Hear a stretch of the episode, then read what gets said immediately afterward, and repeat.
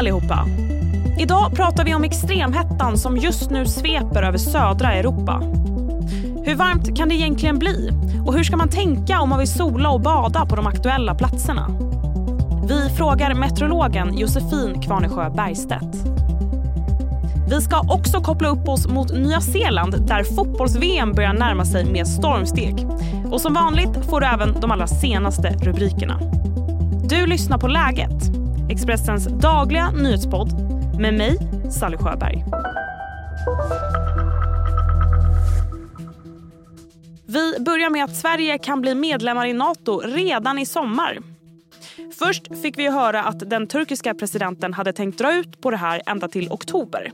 Men enligt utrikesminister Tobias Billström kan ett medlemskap bli aktuellt innan dess.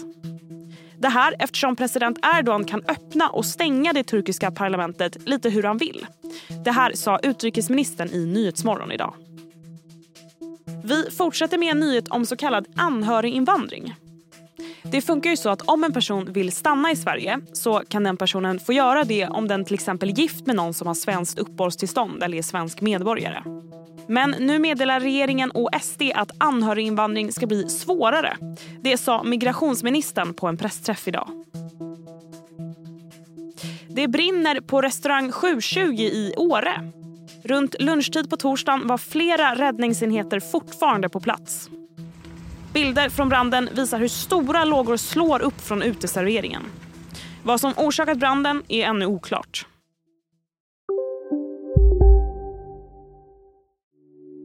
Hej, Ulf Kristersson här.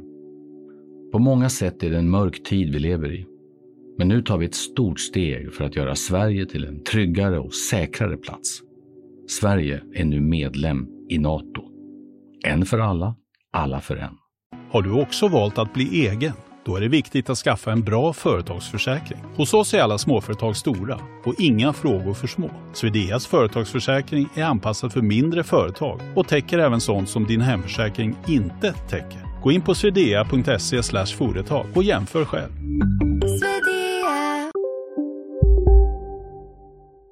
Och vi ska fortsätta på temat värme nu. En extremhetta sveper just nu över södra Europa. Värmen har hittills krävt minst ett dödsoffer och man befarar att värmerekordet på 48,8 grader kan komma att slås. Med mig nu har jag Josefin Kvarnesjö Bergstedt, eh, meteorolog på väderinstitutet Storm. Josefin, ja, hur höga temperaturer handlar det om just nu? Ja, de högsta toppnoteringarna Eh, på temperatur har ju senaste dygnen här legat i Spanien där det är som varmast upp mot 44 grader och eh, det kan säkert stiga ytterligare här någon grad kommande dagarna. Men eh, det är ju även riktigt varmt i Frankrike, Italien, Österrike och Sicilien. Och eh, i Italien och Sicilien, även Österrike, så varnar ju det här meteorologiska institutet, det europeiska meteorologiska institutet för höga temperaturer och att det kan bli uppemot 40 grader i delar av Italien också de kommande dagarna. Eh, hur länge ska den här värmen hålla i? Ja, det ser ut som att eh, den här brutala hettan kommer att hålla i sig i alla fall en bit in i nästa vecka innan det ser ut som att värmen sakta börjar mattas av något fram emot nästa helg. Men vi pratar ju fortfarande om temperaturer på ja, dryga 30 grader fram emot nästa helg. Så det är fortfarande riktigt varmt även då, även om den här riktiga brutala värmen börjar att ge med sig då. Vad beror den här extremhettan på?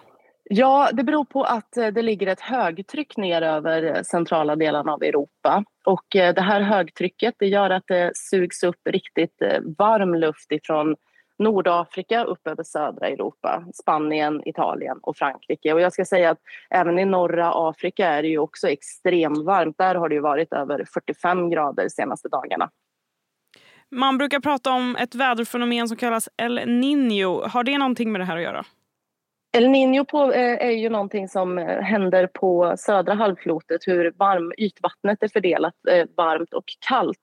Och ja, det påverkar ju även vädret globalt, men El Niño-fasen har precis inletts. Så att just att den här värmeböljan ska bero på den El Niñon är nog, det är nog lite tidigt för att vi ska se effekter av det här på norra halvklotet riktigt än. Mm. Hur allvarligt är det här? Ja, det är ju, det är ju extremt varmt och det påverkar ju befolkningen i de här länderna. Och som du nämnde, folk dör ju av värmen. Det är ju svårt att eh, kyla ner sig och när det är så här höga temperaturer under en så pass lång tid så påverkas ju kroppen. Så det är ju allvarligt och det påverkar ju även eh, skördar och så vidare i, i de här drabbade länderna eftersom det är så varmt och torrt. Man hör ju ofta om att det slås värmerekord på värmerekord. Hur stora växlar kan man dra på det? Blir det varmare överlag? Ja, det blir det. Vi ser ju att, eh, en väldigt tydlig trend här den senaste, de senaste åren bara att de här värmeböljorna de, de inträffar oftare, de kommer nästan varje år och när de väl varar så varar de väldigt länge och det blir väldigt varmt. Något som vi inte såg i en tidigare klimatperiod om man tittar kanske 30 år tillbaka i tiden. Är det här något som även du märker av i ditt jobb, att du pratar mer om såna här extremhettor? Ja, man har ju blivit mycket mer medveten om det eftersom det inträffar så pass ofta. Och eh, ju mer man läser om det och ju mer man hör om det och ju oftare det inträffar desto mer oroad blir man ju även eh, som meteorolog när man jobbar med väder och eh, klimat. Och Det är ju säkert många som är på semester i de här orterna som det handlar om. Hur ska man tänka kring värmen? Ja, man ska ju följa de här allmänna råden. Kanske stanna inne när det är som varmast, hålla sig i skuggan, dricka mycket vatten. Men just den här, framförallt den viktigaste biten är väl att hålla sig inomhus eh, mitt under de varmaste timmarna, mitt på dagen. Det är ju inte för inte som befolkningen i sydeuropeiska länder tar siesta under eftermiddagen när det är som varmast. Tack så mycket Josefin. Ja, tack själv. Nu blir det fler nyheter. Imorgon är det kronprinsessan Victorias stora dag. Hon fyller år och hennes make prins Daniel tjuvstartade firandet genom att delta i den årliga Victoria-golfen på Öland. På plats var Expressens reporter Hannes Lennerholm som fick sig ett kort prat med prinsen själv. Det är traditionsenligt här nere på Öland och först med familjen på morgon och förmiddagen och sen är det ju lite andra aktiviteter på, på eftermiddagen och kvällen. Det blir kul.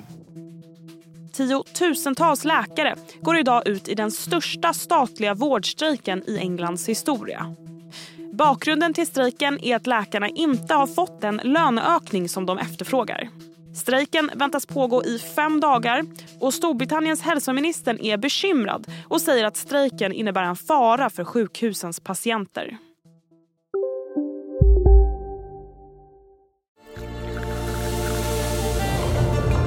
Välkommen till Maccafé på utvalda McDonalds restauranger med Baristakaffe till rimligt pris. Vad sägs om en latte eller cappuccino för bara 35 kronor? Alltid gjorda av våra utbildade baristor.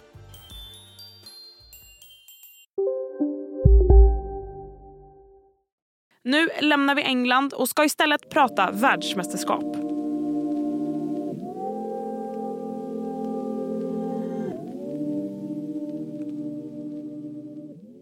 Fotbolls-VM i Australien och Nya Zeeland närmar sig med stormsteg. Och med en vecka kvar är förberedelserna för det svenska damlandslaget i full gång.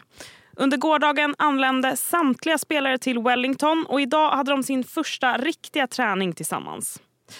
På plats i Wellington är Expressens reporter Frida Olsson som jag nu ringt upp. Hur har du det i Wellington, Frida?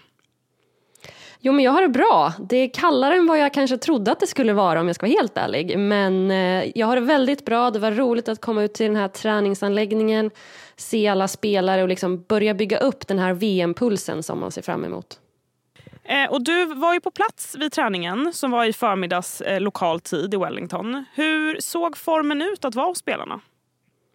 Jo, men jag tyckte att det var lite blandat. Eh, vi vet ju sedan tidigare att det finns lite frågetecken kring eh, Caroline Seger. Idag så var hon inte med alls i den kollektiva träningen utan hon gick runt planen istället i eh, löpardojor vilket såklart inte är ett bra tecken så här tio dagar innan VM-premiären. Men i övrigt så såg det bra ut. Det var många spelare som var kvar efter och slog lite så här längre passningar och kände lite mer på bollen så att det känns som att det var ett, ett väldigt taggat landslag som tränade för första gången eh, Eh, som du var inne på tillsammans idag. Och de är taggade säger du, men det har också varit, de har också mötts av hinder. Jetlag, dåligt väder har det talats om, eller hur? Ja men verkligen och jag tror inte att det är en enda spelare som har fått sitt bagage eh, direkt utan alla har fått väntat en eller två dagar innan det har kommit. Men det är precis som du är inne på. Det är vädret, det blåser, det är kallt, det är jetlag som ändå vad det verkar har de flesta alltså klarat av det ganska bra. Eh, vi, de var ju faktiskt här i höstas och eh, liksom tränade på den här tidsomställningen och då hade många mycket mer problem än den här gången. Nu har det liksom använts appar, det har varit glasögon och det har varit det ena och det andra. Så att jag tror att de har klarat det rätt bra. Det är det här bagaget som har strulat mest för dem. Glasögon, det, det lät intressant. Hur då? Hur har man använt det?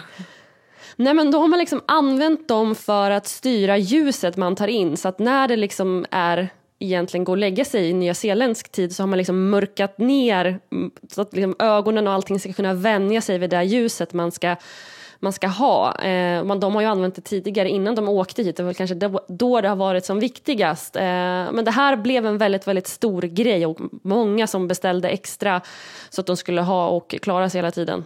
Och basläget då, där de tränar, hur ser det ut? Nej men alltså det är det bästa någonsin har spelarna sagt här. Alltså de har aldrig haft så bra anläggning eller faciliteter runt omkring sig tidigare. Eh, många av dem har ju varit med på flera olika typer av eh, mästerskap tidigare men det här är alltså det bästa någonsin. Det finns pooler, det finns gym, det finns basketplaner och dessutom så bor de liksom i egna så här, minilägenheter nästan. Så att de har liksom ett litet kök och eh, de kan liksom plocka ordning som att de nästan är lite som, som hemma. Eh, många bor ju själva, vissa delar, men just de här faciliteterna var de oerhört nöjda med. Och det är väldigt eh, väldigt kul att se att de kan hylla det så pass mycket. För för ögat så ser det ganska trist ut, det är väldigt så grått men det har ju såklart att göra med vädret att göra också. Men det är verkligen fantastiska och varenda spelare som man har pratat med än så länge är enormt nöjda med hur eh, de har det runt omkring eh, träningar och sådär. Oavsett då så är det ju tio dagar kvar tills att Sverige ska spela sin första match. Hur förbereder man sig nu då fram tills dess? Ja, men nu har man ju träningar eh, såklart varje dag fram tills dess. Eh, inte alltid fotboll utan även kanske att de går och simmar i de här poolerna som finns på den här anläggningen som de har. Men sen kommer de också att spela en, en träningsmatch, en stängd sådan vilket gör att vi i media inte kommer få titta på den. Och den kommer spelas över tre gånger 30 minuter och då kommer man ju att sätta de sista detaljerna, kanske testa lite nya grejer inför den här eh, premiären som är 23 då. Eh, så det, det, är liksom fullt ös nu och mycket möten och det, alltså så detaljer som man vill sätta i spelet. Och Sydafrika är det första laget som vi ställs inför. Hur ser våra chanser ut där, tror du? Ja, men de är väldigt goda, det måste vi vara ärliga och säga. Eh, Sydafrika är inget lag som ska ge Sverige några större problem. Sen så är det såklart att det kan finnas lite nerver, eh, men de borde försvinna efter 5-10 minuter och sen ska Sverige vinna den här matchen ganska komfortabelt. Så det kommer bli en, en bra eh, första match tror jag för svensk del i att eh, de får ställas mot ett lag som de förvisso inte har mött tidigare och eh, som eh, många spelar inte med tidigare. Så det kan ju såklart också vara en sån sak, men de är alldeles för rutinerade och alldeles för bra så det här ska, det här ska gå i land ganska snabbt. Överlag i tävlingen då, går, går det att säga något om hur långt vi kommer gå? Mm, det där är så svårt att svara på tycker jag. Eh, och det säger också spelarna så här, men ett VM det är svårare än annat och det är så många lag som man inte har mött tidigare och jag håller med där. Sen så Personligen så tror jag att Sverige kommer att åka ut i en, i en kvartsfinal. Eh, jag tror att man kommer klara sig via eh, den här åttondelsfinalen då för att gruppen ska man vinna. Det, det ska mycket till att man inte inte gör det eh, och då kommer det bli USA eller Nederländerna i en åttondelsfinal och det är pappret svåra lag men jag tror att Sverige oavsett vilka det blir kommer att ta sig förbi den. Sen så tror jag att kvartsfinalen blir alldeles för svår den här gången. Ja, en vecka kvar då till det hela drar igång och tio dagar kvar för det svenska laget. Tack snälla Frida. Tack. Det var allt för idag. Glöm inte att följa podden så att du inte missar några avsnitt. Vill du följa nyheterna även resten av dygnet så kan du göra det i Expressens nyhetsapp. Och vi hörs redan imorgon igen. Då är det fredag. Tack för att ni har lyssnat. Du har lyssnat på en podcast från Expressen. Ansvarig utgivare Klas Granström